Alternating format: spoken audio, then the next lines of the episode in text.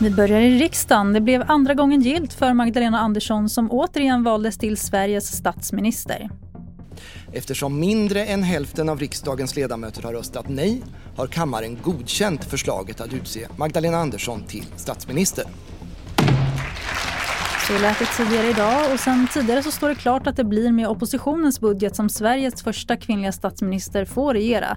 Ta del av de senaste analyserna på tv4.se. Och så ska vi till Medelpad där en före detta idrottsledare döms till fyra år och tre månaders fängelse och skadestånd för bland annat våldtäkt mot flera barn och grovt barnpornografibrott. Mannen förnekar till samtliga brott och ska ha haft kontakt med barnen via sociala medier.